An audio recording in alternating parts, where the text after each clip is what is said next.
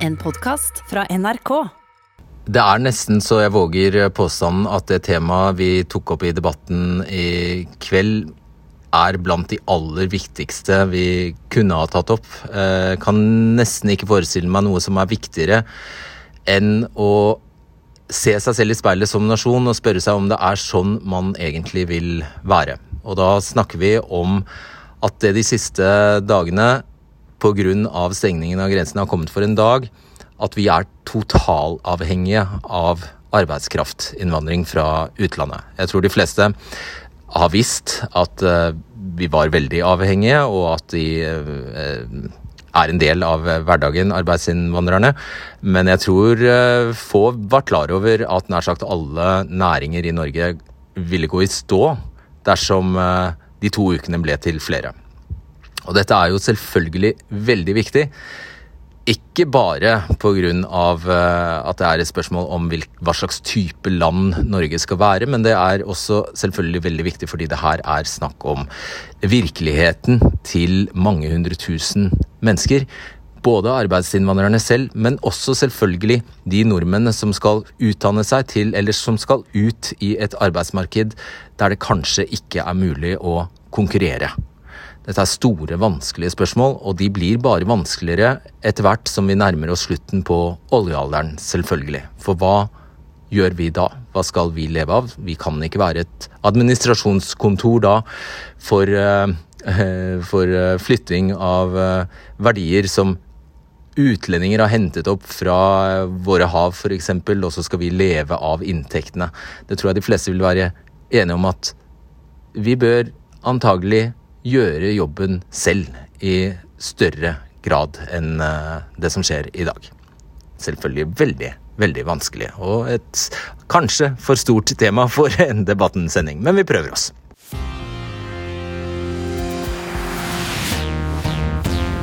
Vel møtt. I denne debatten kommer du til å få høre ting du har hørt før mange ganger. At den norske modellen med trepartssamarbeidet er sterk. At EØS er den beste avtalen vi kan ha at vi bør utforske handlingsrommet innen EØS. Men det er ikke det vi vil du skal ta med deg. Vi vil du skal lytte til de som nå forteller om hvordan det er å være arbeidsinnvandrer her, og hvorfor de er her. Og så vil vi at du tar stilling til om det kler oss som nasjon at en kvart million utlendinger gjør noen av de tyngste jobbene for oss.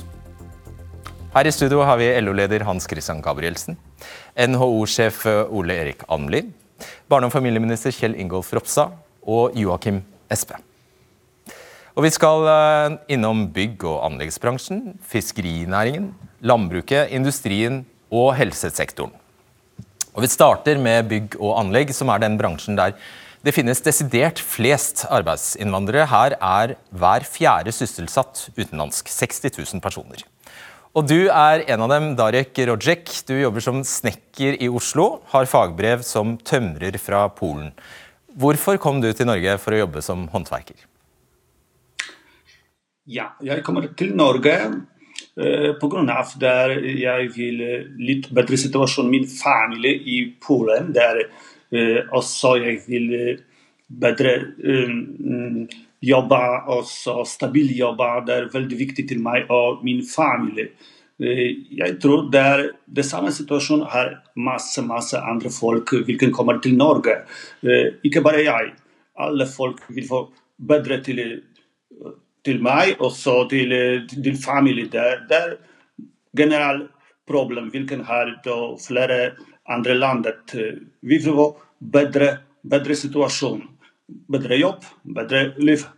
Jeg tror det er første, første plan til uh, hvorfor vi kommer til Norge på jobb på andre landet.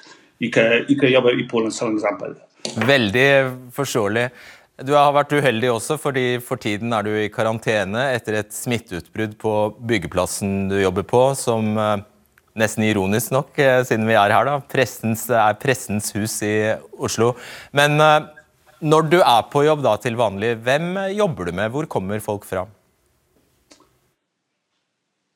Ja, det er mm, Akkurat nå jeg jobber i Senter Oslo på denne store prosjektet i Hent, hvor er masse, masse folk er smittet. dessverre, jeg også smittet på denne akkurat nå, på denne prosjekt. Vet ikke hvilken, hvor kommer fra, hvor kommer denne den korona på denne, akkurat nå på denne prosjekt. Men det er for alle folk det er fort reaksjon der reagerer på denne situasjonen. At der hvert første folk er smittet, byggeplass er stengt. Det er veldig viktig jeg tror det om, om det situasjonen. Du, Er det noen nordmenn som jobber blant dere?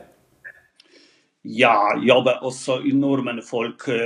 Men på denne prosjektet jeg tror så jobber mye, mye mer folk fra Polen, fra Lituania, fra Danmark, som eksempel. Det fra flere land også jobber nordmannfolk. Vi jobber sammen. Jeg har ikke problemer med den. Jeg er fra Polen, andre fra Lituania og fra nordmenn. Vi jobber sammen. Det er korrekt. Det er normalt. Du, vi ønsker deg bare masse lykke til, og god bedring. Ja, takk, takk. Da skal jeg henvende meg til deg, Joakim Espe. Du er rørlegger og leder i Byggearbeidernes fagforening. Dette at hver fjerde arbeider innen bygg og anlegg er utenlandsk, det gjelder hele landet. Hvordan ville dette sett ut på en helt typisk arbeidsplass eller anleggsplass i Oslo f.eks.? Altså Våre kartlegginger de siste årene av byggeplasser i Oslo-området viser at mellom 50 og 80% av de som jobber ute i produksjonen, er utenlandske. 50-80% Er de fast ansatte, er de innleide, hva er de? Veldig Mange av de er innleide gjennom bemanningsbyråer. En del er også ansatte i underentreprenører med hovedsakelig utenlandske arbeidstakere. Da ofte med betydelig andre lønns- og arbeidsvilkår enn i ordinære produksjonsbedrifter. Og Hva vil det si? Det vil si, Hvis du jobber som, i et bemanningsbyrå, så har du ikke en del grunnleggende arbeidstakerrettigheter, som et reelt stillingsvern, som en forutsigbarhet for arbeid. Du har egentlig to herrer, en som styrer arbeidsdagen din, og en som kun utbetaler lønna di. Men det er ingen av disse som tar et reelt arbeidsgiveransvar for deg. Så du kan bli sagt opp mye lettere enn en nordmann? Ja. Du blir ikke sagt opp, men du, du opplever at du kanskje ikke får nye oppdrag hvis du er problematisk. Og Hvordan er lønna?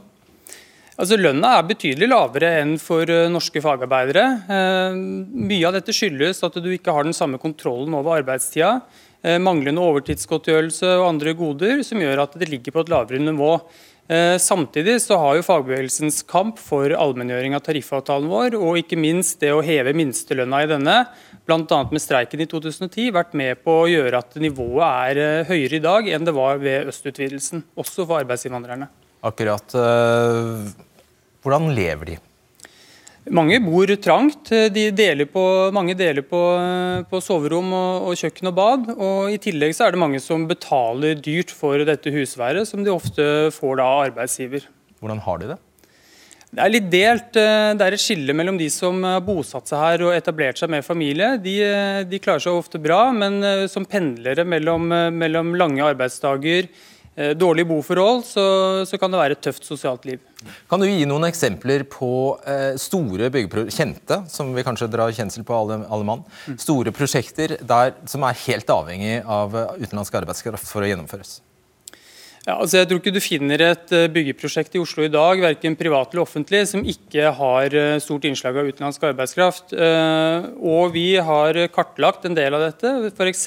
på Stordalens nye hotell The Hub på det nye Nasjonalmuseet og på det nye Veterinærinstituttet på Campus Ås så var det betydelig med utenlandsk arbeidskraft, og ikke minst betydelig med ulovlig innleie. Dette var uh, mye brudd på reglene i arbeidsmiljøloven. Og Vi er ganske sjokkert over at det nærmest har blitt en, en bransjestandard at uh, norsk lov brytes i forhold til dette. Og nå er det jo ingen av dem som er til stede her, så, så vi plikter å gjøre oppmerksom på det.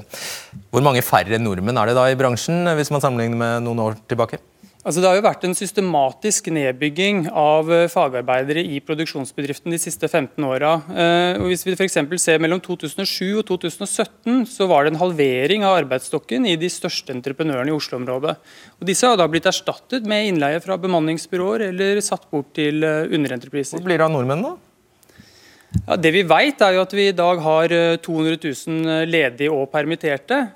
Og vi har i den situasjonen arbeidsgivere som hevder at Norge stopper opp hvis vi, ikke, hvis vi har en to ukers pause i import av arbeidskraft. Men vi mener at eh, det er ikke mangel på arbeidskraft, men det er arbeidsgivere som kanskje ikke har vært villige til å betale norske lønns- og arbeidsvilkår for det arbeidet. Takk for opplysningene og partsinnlegget, må vi kunne si. Takk skal du ha, Joakim Espo. Nå skal du bytte plass med Magnus Marshall, som er leder i Manifest Tankesmie. En av næringene som konsekvent har sagt nei til fri flyt i det indre europeiske markedet, og to ganger har bidratt til at Norge har sagt nei til EU, er landbruket. Men landbruket sysselsetter selv over 9000 arbeidsinnvandrere hvert år. Og nå trues matproduksjonen av stengte grenser. Lars Petter Bartnes, leder i Norges Bondelag. Hvordan vil dere, og da spesielt har jeg skjønt grøntnæringen innen landbruket, klare det uten utenlandske arbeidere? Vår næring, som er en, eh, spesielt på grøntsida, en veldig arbeidsintensiv næring, eh, er jo avhengig av internasjonal arbeidskraft. Det har utvikla seg eh, ganske mye de senere åra, i og med at konkurransen om arbeidskrafta i Norge har vært stor. Og flere og flere har, av arbeidstakerne har flytta sitt arbeidsfelt over i andre næringer enn i jordbruket. Vi er avhengig av sesongbasert arbeidskraft. Eh, sesongen til grøntprodusentene, som handler om eh, grønt, frukt og bær, starter egentlig allerede i eh, februar-mars og varer jevnt gjennom året fram til i november. Og Her er det arbeidskraft fra EØS-området og for så vidt tredjeland som har stilt opp og gjort veldig godt arbeid for den type produksjon som vi snakker om. Allerede kan jeg smette inn med et ja. Eh, spørsmål, er du snill? Eh, er dette også et utslag av at eh, det er rett og slett laber interesse for, fra nordmenn til å ha disse jobbene? Nei, Heldigvis så er vi jo i en situasjon der at det er større og større interesse for å arbeide i landbruket eh, på generelt basis. Men vi ser jo det at eh, de tunge arbeidsoperasjonene som krever fysisk styrke og utholdenhet, fleksibilitet er viktig. Vi vet at eh, grønnsaks, grønnsaker, frukt- og bærproduksjon er jo under åpen himmel, og vi er avhengig av å bruke de åpningene med godt vær og ha arbeidskraft som er fleksibel. Eh, og Det har produsentene eh, klart å uh, funnet gode løsninger i, i, den arbeidsstokken som, som, vi tradisjonelt har. Så Vi er opptatt av å levere til det norske markedet også i år, men det er betydelig risiko med den situasjonen som vi også har inn i denne sesongen. Tradisjonelt og tradisjonelt, fru Blom, det er vel egentlig det som er temaet her. hvor tradisjonelt uh, dette er. Når du sier tradisjonelt, så tipper jeg at du sikter til bl.a. at vietnamesere fraktes inn uh, for, å, for, å, gjennomføre norsk, uh, norske avlinger, ikke sant? Det er riktig at man bruker også en, en del av arbeidsstokken kommer fra Vietnam. Det har jo åpenbart vært en utvikling i den retningen de senere åra. Og det som jeg sa i sted, det handler jo også om interessen til å arbeide med den type fysisk arbeid. Interessen til også, uh, arbeid å arbeide i sesong. Vi må huske på det at vi snakker jo her ikke om uh, fast arbeid, men vi snakker om sesongbasert arbeid. og Det er den fleksibiliteten som næringa har funnet løsninger på gjennom ja. å bruke sysselsette internasjonal arbeidskraft. Ja, fordi nordmenn da ikke er så fleksible, må vi, må vi formode. Du, Hva er minstelønna til disse arbeiderne? Det er jo partene i arbeidslivet som forhandler eh, den tariffen. og Per nå så er jo den på i overkant av 126 kroner som minstelønn. og Så vet vi at eh, arbeidere eh, med god erfaring og etter hvert god kompetanse på arbeidsoperasjonene blir lønna høyere. og Vi er jo glad for at det finnes en minstetariff i den sammenhengen som sikrer at, at det finnes et minimumsnivå på lønn. Svar kort på det aller siste spørsmålet. Kan det hende at en del av dem som setter og tar opp potetene våre plukker står ute i åkrene under åpen himmel, som du sier, har bachelor- og mastergrader eh, i bagasjen? Vi, I den situasjonen som utspiller seg nå, eh, og med erfaring fra i fjor, så har vi jo eh, næringa jobba med å øke sysselsettinga fra norsk ledig arbeidskraft. Det har man blanda erfaringer med, med utgangspunkt i at det, det, eh, permisjon og arbeidsledighet som nå har oppstått, eh, vil jo være avhengig av om man kommer tilbake til det arbeidet man Bartnett, egentlig er et ja-eller-nei-spørsmål. er det noen av dem som står i åkrene og kommer fra utlandet, som, som har høyere utdanning? Det har vi eksempler på. Tusen takk skal du ha. Absolutt. Ja, ok. Da fyker vi videre til industrien, som er den næringen med nest flest arbeidsinnvandrere, og her er hver femte utenlandsk statsborger. Ståle Johansen, du er klubbleder i verkstedklubben ved Kverner Verdal, som er en del av Aker Solutions. For oss uinnvidde, hva produserer dere? Eh, det er jo, eh, vi er jo leverandørindustrien, så vi produserer offshoreinstallasjoner til norsk eh, sokkel i størst mulig grad. Og så, så klart har vi jo noe i forhold til britisk sektor. Vi er jo inne i forhold til det med offshore vind og havmerder til oppdrettsnæringa. Mye av det vi er stolt av, med andre ord. Kan du beskrive hvordan arbeidsstokken er sammensatt? Eh, til oss er vi 750 faste ansatte. 460 operatører per i dag, og da rundt sånn 290 funksjonærer. Eh, det er jo den faste delen. Og Så har vi et innleie i dag da, som eh, kanskje ikke er av det høyeste som vi har hatt, men vi har 178 innleide, og av dem er det 125 som er, er, er utenlandsk arbeidskraft. Da. Og hvor, Hvilket utland da? Hvor kommer de hovedsakelig fra? Det er hovedsakelig fra Polen. Og Hvordan ser det da ut eh, for skipsverftene langs eh, kysten? Hvor avhengig er de av utenlandsk arbeidskraft? Nei, det er klart det er jo sånn at, eh, at vi er jo avhengig av å ha innleie. altså Både leverandørindustrien og skipsverftene er avhengig av å ha innleie nå fra, utlandet. og det, det, er jo en arbeidsorganisering som er, som er verdt av eierne og av store deler av næring- og byggebransjen òg. De har jo valgt den type arbeidsorganisering, og vi har jo advart imot det i forhold til det der med at faktisk så er det nå i stor grad, altså hver femte som jobber innen industrien, så er den eies den kompetansen og den arbeidskrafta eies av et annet land. Og Det er et stort problem, det er en risiko, den, uh, ja, det er en risiko for uh, den norske modellen. Du, nå vil jeg tippe at arbeidsgiveren din muligens har en annen versjon her, men eh, slik du ser det, hva er eh, problemet med så mange utenlandske eh, arbeidstakere hvis de ikke får dårligere lønn enn de norske? Nei, det største problemet med dette her er jo at Vi har jo likebehandlingsprinsippet i vikarbyrådirektivet som skal sikre at de har akkurat det samme som hvis de er ute og jobber på bedriften. Men et av de største problemene med dette her er jo det at vi som et høykostland vi er egentlig avhengig av å ta i bruk teknologi, og vi er avhengig av å ta i bruk det som er på innsida av hodet til fagarbeideren. Altså Vi må utvikle fagarbeideren for å utvikle fagene. Eh, det er jo ingen arbeidsgiver som ønsker å prioritere opplæring av en innleid. Og Årsaken er jo innlysende. Det er jo fordi at om tre, seks eller tolv måneder så jobber jo den innleide for konkurrenten. Nettopp. Det er en lavkompetansestrategi, det vi holder på med. Jeg tror vi har skjønt det, Ståle Johansen. Tusen takk skal du ha.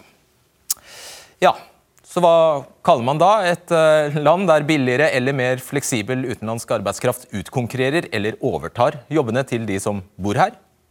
Sa noen Kuwait? Er det på tide å justere det norske selvbildet? Her er tallenes eh, tale. De burde vært her.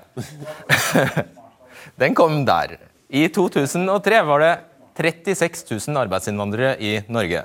På 18 år har det eksplodert til 250 000 arbeidsinnvandrere i Norge. 2019 er de siste tallene SSB har kommet med til oss. Og Magnus Marsdal, som sagt, leder i Manifest eh, Tankesmie. Hva er det vi nordmenn nå har fått øye på og virkelig fått, eller fått opp øynene for eh, nå når grensene stenges? Ja, Det vi ser i den grafen du nettopp viste fram, eh, Fredrik, det er den største samfunnsendringa i både din og min levetid så langt. og Mye av det skyldes jo høy aktivitet, at vi trenger de folkene. Men det er også sånn at mange norske bedrifter har fått som forretningsidé å underbetale særlig østeuropeere. Konkurransefortrinnet er å tilby lønns- og arbeidsvilkår som det er umulig å drive et vanlig norsk eh, familieliv på. Og Da blir man helt avhengig da, av å importere folk fra fattigere land, der det er mye lavere bokostnader. Husk at mange her pendler. Men også mer desperate arbeidsfolk som er villige til å ta til takke med den typen vilkår som, som min oldefar, da, som var LO-veteran, var stolt av å utrydde fra det norske arbeidslivet for 70 80 år siden. Og det er særlig de unge som, som rammes. La meg bare si det. Så, siden 2008 vi har hatt et markant fall i sysselsetting blant unge menn uten høyere utdanning. Og det er majoritetsbefolkninga. Altså det er de norske, for å kalle det eh, titusener på titusener arbeidsinnvandrere kommer inn. Veldig mange flere norske arbeiderklasseungdommer tyder alt på skvises ut av arbeidslivet. Hva slags framtid tilbyr vi dem? Hva slags samfunn er det vi bygger? Og ikke minst, hva i alle dager skal vi finne på den dagen østeuropeerne drar hjem? Mm. Altfor mange spørsmål til å ta i én eh, jafs her, Ole Erik Almlid. Du er administrerende direktør i NHO, og jeg må faktisk medgi at du var inspirasjonskilden til det vi driver med her. Fordi Du sa i går at i løpet av de to uker så kommer Norge nærmest til å gå i stå. Uh, og at uh, ja, nær sagt alle bransjer er. Fullstendig avhengig av arbeidskraftimport. Hva er hovedårsaken til at vi har satt oss selv i denne situasjonen? Det, det, jeg sa var at Om to uker så vil vi få til problemet ja, mer opp. Det og det skal vi komme tilbake til senere i sendingen. Men faktum er at denne historien er også historien med en velstandsøkning i Norge. For at det har vært høyere aktivitet, som Marshall er inne på. Vi har solgt mer, vi har produsert mer, og dermed har vi også hatt behov for arbeidskraft. Så Faktum er at vi har fått til veldig mye mer. og Vi har hatt en velstandsøkning alle sammen, fordi at arbeidsinnvandringen har vært så stor som den har vært. Og så har den jo vært litt større enn den kunne ha vært. Og Det mener jeg er et godt spørsmål. Men faktum er at hvis du ser på industrien, du ser på bygg- og anleggsbransjen, du ser på sjømatbransjen osv., næringsmiddelbransjen, så trenger de denne kompetansen. Og når vi spør våre bedrifter hva er det største utfordringen du har, vel å merke før korona inntraff, så sier de at de mangler kompetanse. Seks av ti bedrifter sier de mangler kompetanse. Og hvor finner de den? Helt, helst da rundt eh, i lokalsamfunnet, men veldig mange må hente den kompetansen også fra andre land. Og Det er spesialistkompetanse, det er veldig viktig kompetanse, og sånn har det alltid vært i Norge. Hvis jeg skulle våge meg på en oppsummering, Du sier egentlig at det er vinn for vinn-vinn for nær sagt alle parter. Det er vinn for det norske samfunnet, som får den kompetansen eller den arbeidskraften som trengs. Vi har opplevd velstandsøkning. Og det er også en, jeg regner med det er implisitt at det er bra for arbeidstakerne, de utenlandske, siden de får økt sitt velstandsnivå. Er det sånn du tenker? Ja, Mange av de er jo flinke folk som kommer hit. Men det er også viktig for den arbeidskraften som er i Norge, for at virksomheten utvikles ved at du også har arbeidskraft inn. Og Så er det noen som faller utafor, og de vil jeg snakke mer om etterpå. Yes, Hans Christian Gabrielsen, leder i eh, LO. Tar, viser denne grafen at arbeidsinnvandrere tar jobbene fra nordmenn? Det den viser, det er at vi har blitt altfor avhengig av utenlandsk arbeidskraft i deler av norsk eh, arbeidsliv. Vi er ikke mot arbeidsinnvandring. Eh, det har vi hatt i Norge i, i mange år, også før den grafen starta. Men vi er opptatt av at de som kommer hit, de skal jobbe på norske lønns- og arbeidsvilkår. Og Det vi erfarer, det er jo at altfor mange arbeidsgivere har gjort seg avhengig av for dårlige vilkår, for dårlig avlønning, og sånn sett pressa deler av eh, den eh, delen som Magnus Marsdal eh, prater om, ut av det norske arbeidsmarkedet. Der hvor det er en høy grad av arbeidsinnvandring, så kan du se fra samfunnspolitisk analyse at om lag 60% av den forskyvningen skyldes lavere lønn. Jeg tror jeg forsto det siste. Altså, du, du bare bekrefter at spesielt menn med lav utdanning er de som må konkurrere mot disse arbeidsinnvandrerne? Pga. lavlønnspresset, ja. Ja, Men de forsvinner jo ikke, så hva skjer med dem? Nei, Det er jo det den andre grafen som du ikke har her, viser. Altså Hvordan de har presset dem ut av arbeidsmarkedet, lengre vekk fra arbeidsmarkedet. De er en del av den statistikken nå, med de 200 000 ledige, som får det enda lenger til veie, veien tilbake til arbeidslivet. Og Det er derfor vi nå må virkelig sette inn kreftene mot sosial dumping, mot utnytting av arbeidskraft fokus på kompetanse, slik at det blir attraktive yrker for ungdommen å søke seg til. Grunnen til at eh, vi ville ta opp dette temaet, var at akkurat det du sa der nå, har man sagt i hvert fall Det har man jo sagt i 20 år.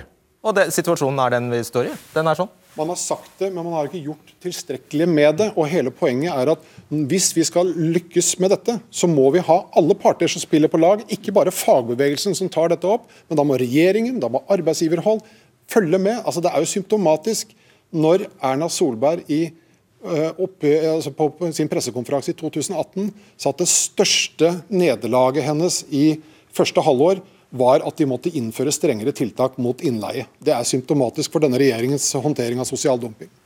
Kjell Ingolf Ropstad. Det var jo KrF som sikra at vi fikk enda bedre rettigheter for midlertidig ansatte og innleide, så det er jeg veldig stolt av. Hjertelig velkommen til deg. Jeg er litt usikker på om du er her som barne- og familieminister eller KrF-leder, eller kanskje begge deler. Jeg er opptatt av at familiene skal ha gode og trygge arbeidsplasser, at ungene skal utdannes og sikres en jobb, og at det er gode vilkår. Så jeg er jo helt enig med det LO-lederen sier. Det er jo så viktige poeng, og det disse grafene viser, er jo at skal du klare altså det er jo, det er jo Liker du den grafen? Eh, Både ja og nei. Eh, og Det er det jeg mener er litt sånn premisset for debattene. fordi Vi er jo totalt avhengig av arbeidsinnvandring. Det er en del sektorer der vi må ha det. Men jeg tror spørsmålet er om vi kanskje har gjort dere litt for sårbare, litt for avhengige av det. Eh, Fordi en av de store prestisjeprosjektene til denne regjeringa, det er jo å på en måte gjenreise fagarbeideren og virkelig legge til rette for fagskole, sikre at det er flere unge som tar fagbrev, og at de ikke nødvendigvis alltid skal ta høyere utdanning. og Der har vi spilt godt på lag med, med begge partene i arbeidslivet. og Jeg tror det er noe av nøkkelen for dette. fordi at Får vi de utdanna, får de i kompetansen de trenger, så tror jeg det er flere av de som kommer inn og vil ta en del av de viktige jobbene. Bare svar eh, litt enkelt på dette her. Hvis det er sånn, og det, vi, vi, vi får stadig vekk rapporter om det, at arbeid, utenlandske arbeidstakere må eh, ta til takke med dårligere lønns- og arbeidsvilkår enn eh, nordmenn. Hvorfor tillater dere det? Altså, Vi tillater jo ikke det. Altså, Hvorfor skjer det da? Nei, eh, det er fordi det er kjeltringer, dessverre, i alle bransjer. Det er et stort problem med sosial dumping. Det er til og med eh, menneskehandel, slaverilignende tilstand i, en del eh, tilfeller. Men vi har jo gjort det vi kan for å styrke kampen mot arbeidslivskriminalitet. Du har jo først Så- åpnet nei, Ropstad, du har jo først åpnet grensene og sagt 'velkommen, kom hit, ta deg arbeid', eller 'kom hit, og så søke arbeid'. Det, det er jo det du har gjort. Altså, Dette har skjedd som en naturlig utvidelse av, av EU. og, og Når arbeidsinnvandringa er kommet, så har jo vi vært veldig opptatt av å styrke tiltakene. Så bare det at Arbeidstilsynet har fått mer mulighet til å drive tilsyn. Eh, og jeg tror En stor utfordring det er vi som forbrukere. Vi velger å kjøpe svart istedenfor hvitt. Det er jo det sånne type ting som er kriminalitet, som legger til rette for det. Så vi fra myndighetenes side har styrka kampen mot arbeidslivskriminalitet. og Der spiller vi på lag med bransjen og med de ulike partene, fordi det er så viktig å lykkes med. Er det det som er problemet her? Problemet er også norske politikeres eh, bunnløse naivitet i forhold, til virkningene av det konkurransemaskiner som EUs indre arbeidsmarked og grenseløse arbeidsmarked faktisk er. For De snakker også om en villa politikk for at eh, arbeidere i alle EU-land skal kunne konkurrere hverandre i senk og ha frihet til det, men ikke frihet til å regulere den konkurransen. Og For et land som Norge med høy produktivitet, høy lønn osv., så, videre, så var det dømt til å bli et kappløp mot bunnen i noen bransjer. som det har blitt. Og vi har, som du var inne på, snakka om det her i 20 år, og ting har på mange områder eh, gått gæren vei. Og Da tror jeg vi må innse at et selvstendig land som Norge også må kunne ha demokratisk styring på arbeidsmarkedet sitt. Så lenge det er så mange Og hva betyr det i praksis? Hva betyr det helt Vi må kunne stille krav om norsk lønn til alle som jobber i Norge, også hvis EU skulle begynne å rynke på nesen. Vi må kunne si at på vår grense så setter vi våre regler for lønns- og arbeidsvilkår. og Kommer du til Norge og jobber her, så skal du innplasseres, sånn som vi også gjør med utlendingsloven, på det som svarer til norsk tariffnivå. Ikke en minstesats, ikke noe langt nedi der, men akkurat det samme som du ville ha hatt hvis du var en norsk 45-åring med ansiennitet, fagbrev osv. Eh, og ta bort sosial dumping som forretningsidé. Og så en ting til. Vi har samtidig senka tersklene for alt mulig. Vi har tatt bort krav til sånn håndverksbrev, krav til revisjon i små firmaer. Vi har gjort det lett for folk å starte også kriminell virksomhet. Og det har vært uheldig at du har vært så naiv, samtidig som vi har fått inn så mange land i vårt eget arbeid. Ok, Jeg tror mange vil ikke skjønner hvorfor man ikke stiller et bastant krav til at i Norge kommer du hit, så skal du ha norsk, norske lønns- og arbeidsvilkår. Punktum. Og De aller fleste arbeidsgiverne betaler akkurat det. Der du er tariffestet, så får du samme lønna. Og som en Ståle sa på Aker Verdal, jeg kjenner dem veldig godt, eller Kverne Verdal, der er det sånn, De som er innleid, de har de samme vilkårene som de som er der. Du er likebehandla. Og så skal jeg si, som arbeidsgiver så ønsker du å ha arbeidskraften rundt deg, for de betaler jo mer for den arbeidskraften enn om du får en lærling fra Verdalen videregående skole. Men hvorfor foretrekker de da utlendinger? Fordi at du mange steder ikke får tak i den kompetansen du vil ha. Og vi må stå opp alle nå for å sikre at vi får ungdommen i ut i arbeid gjennom at vi gir dem den riktige kompetansen. Og jeg er helt enig i at Når vi nå står med en annen graf som viser 200 000 arbeidsledige, så kan ikke vi leve med det over tid. Vi må få folk ut i arbeid. Så det har ingenting med pris å gjøre? Nei, men det er ikke sånn at Nei, jeg bare spør... Nei, men det er, Hos noen er det men det er ikke sånn at man ønsker å prise ned arbeidskraften. Man ønsker å ha den riktige kompetansen, og man betaler godt for det. Lavlønnssporet er døden for den norske modellen. Det kommer til å føre til mindre innovasjon, mindre produktivitet og mindre interesse for å investere i ny teknologi. Det er det som har mm. drevet fram norsk velstand. Dere er for EØS-avtalen, er dere ikke det i LO? Vi er for EØS-avtalen, men vi er mot sosial dumping. Vi ja, Det er jo alle. Ingen er for sosial altså, dumping. Når, når Ropstad sier at vi har gjort det vi kan i kampen mot sosial dumping, så er altså det en sannhet med mange modifikasjoner. For de har stritta imot hele veien og ventet og ventet. Og arbeidsgiversiden også har jo motsatt seg det å innføre f.eks. minstelønn i deler av bransjen. Når vi hørte Bartnes fra jordbruket snakke om satsene for de som kommer inn der på 125-126 kroner, så var jo det etter en langvarig kamp fra fagbevegelsen for å få minstelønnssatser inn der. sånn. Så det er klart det handler om pris. Det er klart det handler om lønn har det klart det handler om at det er ordentlige lønns- og arbeidsvilkår for de ungdommene som skal ut i det arbeidslivet. Men Hva sier du da til Marshall, som, som egentlig hevder at den lappingen du eh, vil foreta på en, eh, på en, avtale som i sakens natur vil medføre eh, dette her, den, den, er helt utilstrekkelig. Hva sier du til ham? Jeg mener at Vi har et stort handlingsrom som er mulig å bruke. Men da må vi ha for det første en regjering som ønsker å gjøre det, arbeidsgivere som spiller på lag for å få det til. Det er et en uendelig mulighetsrom der sånn for å nettopp forsvare norske lønns- og arbeidsvilkår. Men da må man ikke dra beina etter seg og si at dette kan vi ikke gjøre, dette kan vi ikke gjøre. Her må man være proaktive, man må være framoverlent og bruke de mulighetene som ligger. For denne kriminaliteten og utnyttelsen som finner sted, den finner stadig nye veier. Og da kan du ikke hvile og bare si og vente og se. altså. Kjempekort. Ja, altså Jeg skal gi honnør til LO og fagbevegelsen, fordi jeg mener de oppriktig har vært med på å presse fram bedre betingelser, bedre arbeid for å bekjempe sosial dumping. Men regjeringen har jo etablert flere arbeidslivskriminalitetssenter, der politi, arbeidstilsyn, Nav og andre kan jobbe sammen for å få ta kjeltringene og godt samarbeid med å få f.eks. ID-kort for å dokumentere at disse som jobber der, faktisk har betingelsene. Så dette er en kjempealvorlig problemstilling. og Skal vi lykkes med den norske velferdsmodellen, så må vi jo klare å bekjempe denne eh, kriminaliteten. Greit. Vi, det vi har snakket om nå, det vil jo uansett ta lang tid å gjøre noe med. Hvis det i det hele tatt er vilje eller ønske om det. da, Det får bli opp til dere. Men nå eh, må vi se på hvordan vi løser den helt akutte situasjonen som har oppstått etter eller som kommer til å oppstå etter to, uker med, eh, to uker med stengte grenser. Fiskerinæringen står i en helt prekær situasjon, for fisken må jo fiskes, behandles og fraktes nå. Og Kristel Eide, du er personalansvarlig i bedriften Jangård Eksport på Røst ytterst i Lofoten. Dere eksporterer klippfisk. Hva betyr disse stengte grensene for dere? Nei, det her får jo veldig store økonomiske og, og ringvirkninger for oss som bedrift. Eh, det er klart at Vi importerer arbeidskraft fra hovedsakelig Litauen til å drifte vår vintersesong. Eh, det som skjer nå når vi får stengte grenser, det er det at vi ikke får inn det personellet som vi er helt avhengige av for å kunne gjennomføre denne vinteren. Eh, og det er personell som har vært hos oss over flere år, som innehar den kompetansen vi trenger, både i forhold til å kjøre maskiner, mekanikere, trykk kjørere. Eh, og det er klart at Når de nå blir stoppa og ikke får reise inn hit i det hele tatt, så forsinker det den prosessen som vi har planlagt i månedsvis for å fase de inn. Eh, for å kunne håndtere den koronasituasjonen som vi står i i forhold til våre arbeidsfolk. Eh, det er klart at bransjen her har vært klar. Ja, ja forsinkelse her. Hva, hva, må til, hva, må dere ha for at, dette, at fisken ikke bare skal, bli, skal råtne? Altså Hvis vi skal få fisken opp på land i det hele tatt i vinter, så er vi avhengige av i og med det at vi produserer mat, det er en ferskvare. Vi venter ikke, altså Torsken venter ikke på oss. Han kommer inn når han kommer inn, og det må vi forholde oss til.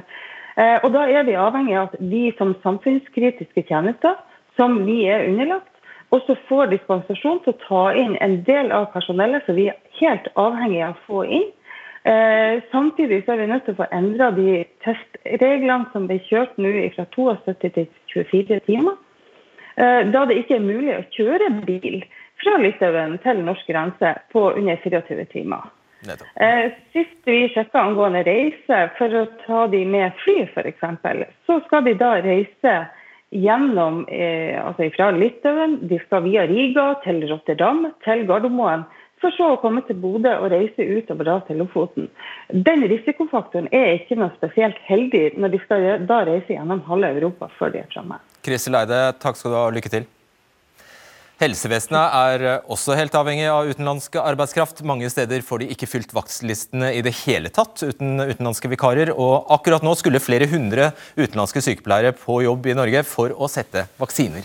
Alicia Noguera Plaza, du er sykepleier fra Spania, og i juni har du jobbet av og på som sykepleier i Norge i fire år. Du hadde egentlig en billett på lørdag tilbake til eh, Norge fra Alicante, men um, hvorfor velger du å jobbe her? Hvorfor vil du jobbe her som sykepleier? Ja, jeg ville alltid jobbe ute. Jeg, siden jeg ble født, jeg hadde det klart. Så før jeg ble ferdig utdannet, så kom det et norsk firma til universitet og sa at Norge trenger 20 000 sykepleiere. Så da Det var bare å lære noe. Ja. Du, hvordan, er, hvordan ser da arbeidsmarkedet ut for sykepleiere i Spania?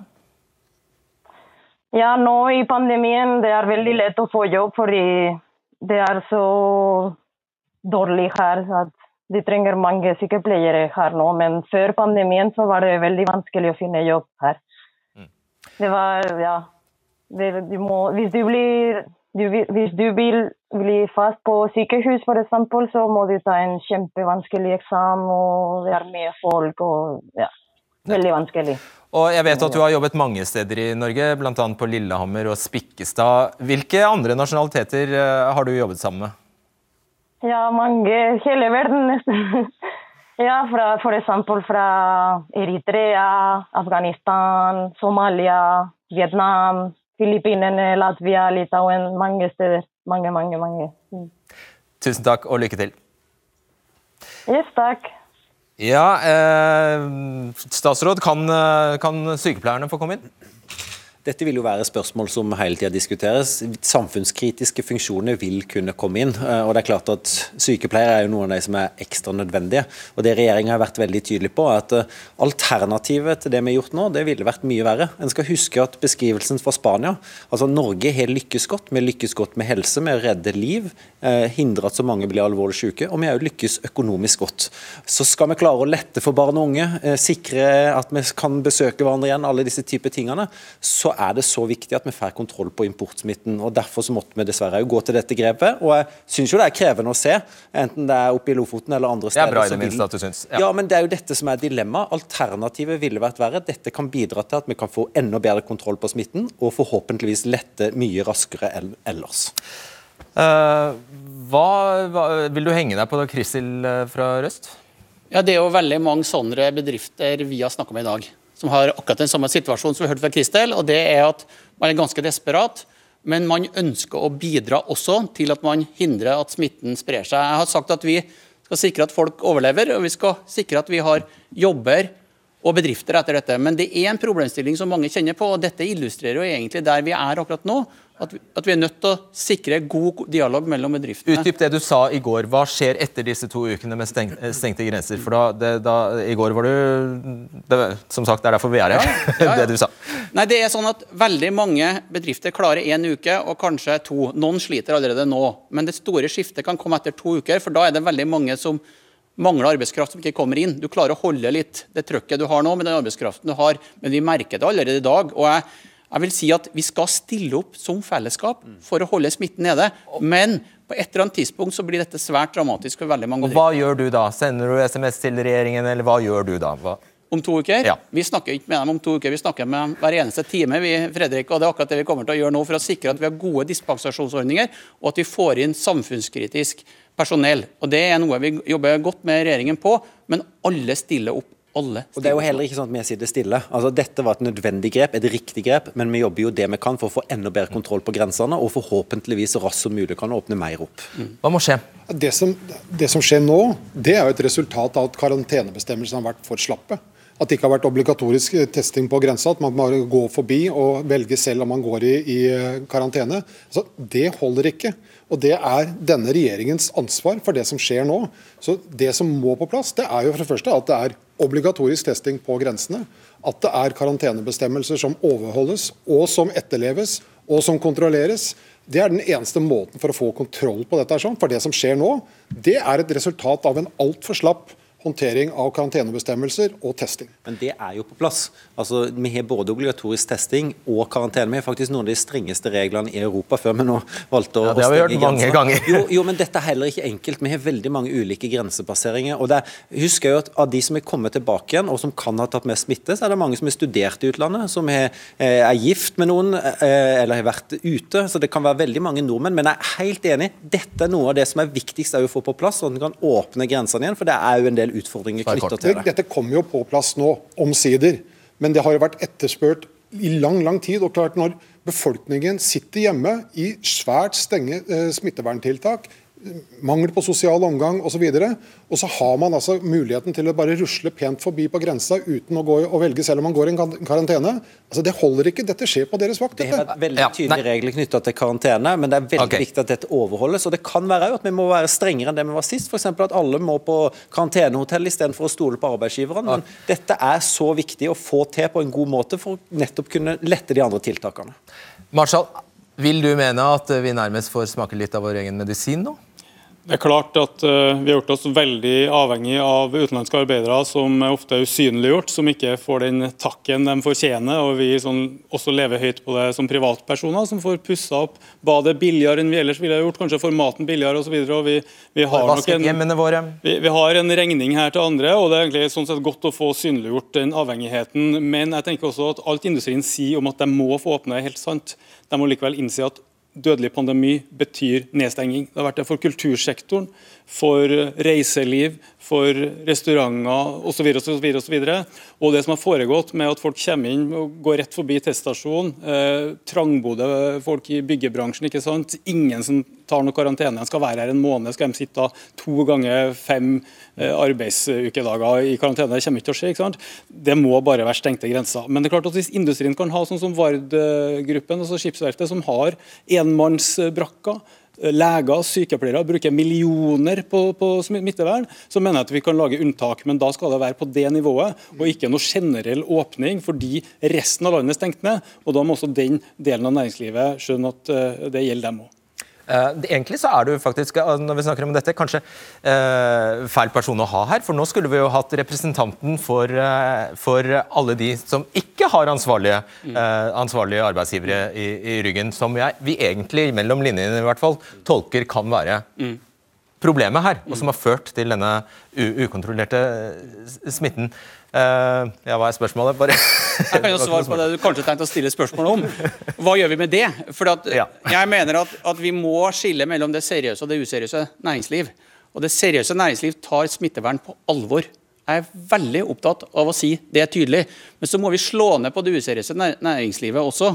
Og Det gjør vi gjennom mye av det vi har snakka om tidligere i dag. Og jeg må også si at vi vil jo av alle hindre at smitten sprer seg. For hvis den sprer seg nå, så må du stenge den enda mer. Og vi må huske på at det som skjedde i går, det var fordi at du har fått et mutert virus du trenger å ha oversikt over. La oss få oversikt over det, så ser vi hvordan vi holder dette i gang. Og Så skal vi sikre at vi beholder både jobber og liv. Og Da skal vi gjøre det på en veldig god måte. Og Vi står opp for dette sammen, og vi gjør det, kommer til å gjøre det sammen også etter at det åpner opp. Hvor lenge kan vi utholde en situasjon med 200 000 eh, ledige eh, nordmenn og 250 000 Eh, arbeidsinnvandrere? Altså, Norge er ikke friskmeldt før folk er tilbake i jobb. Arbeid til alle, det er jobb nummer én. Uavhengig av hvor mange som nå er ledige. Så vi kommer hele tiden til å jobbe for å få alle tilbake i jobb. Men det viktigste nå det er at vi må sørge for at dette blir attraktive arbeidsplasser. At ungdom søker seg dit. At ungdom som har frafall i videregående opplæring, særlig yrkesfag, hvor 40% av gutta faller ut, dette henger sammen med seriøsitet, kampen mot sosial dumping, ordna lønns- og arbeidsvilkår. Får vi stell på det der Du kunne ha svart Gabrielsen at dette kan vi ikke leve lenge med. Selvfølgelig kan vi ikke leve lenge med dette her, men akkurat nå så er vi midt oppi en pandemi.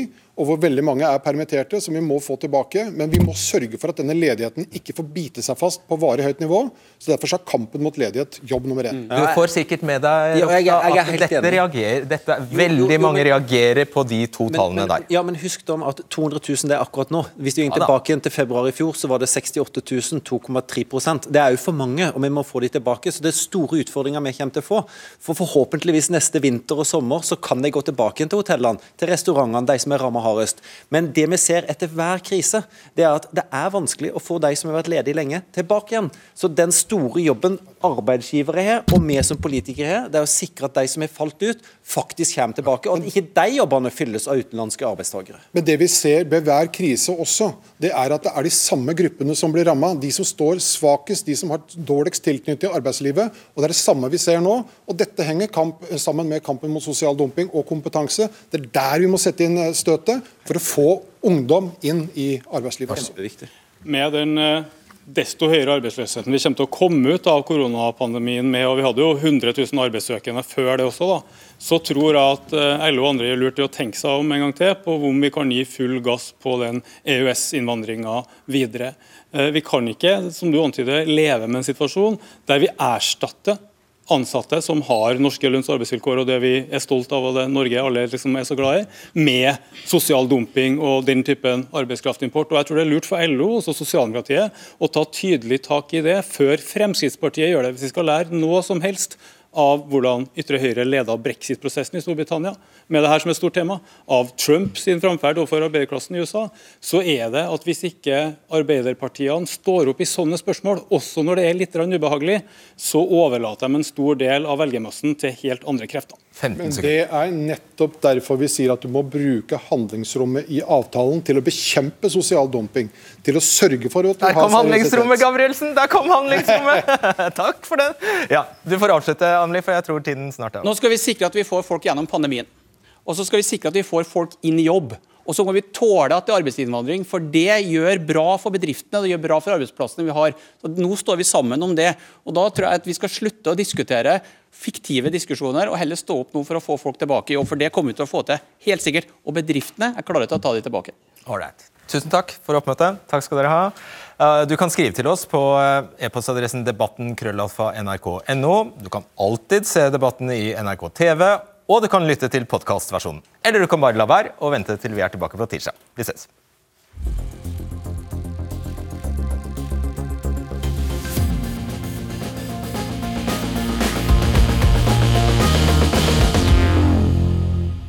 Det er klart det er altfor ambisiøst å late som at man skulle løse så komplekse problemer som eh, dette i løpet av en debattensending. Det var egentlig ikke det vi satte oss for heller, men vi har kanskje eh, fått noen til å tenke over om vi har innrettet oss klokt nok eh, for fremtiden.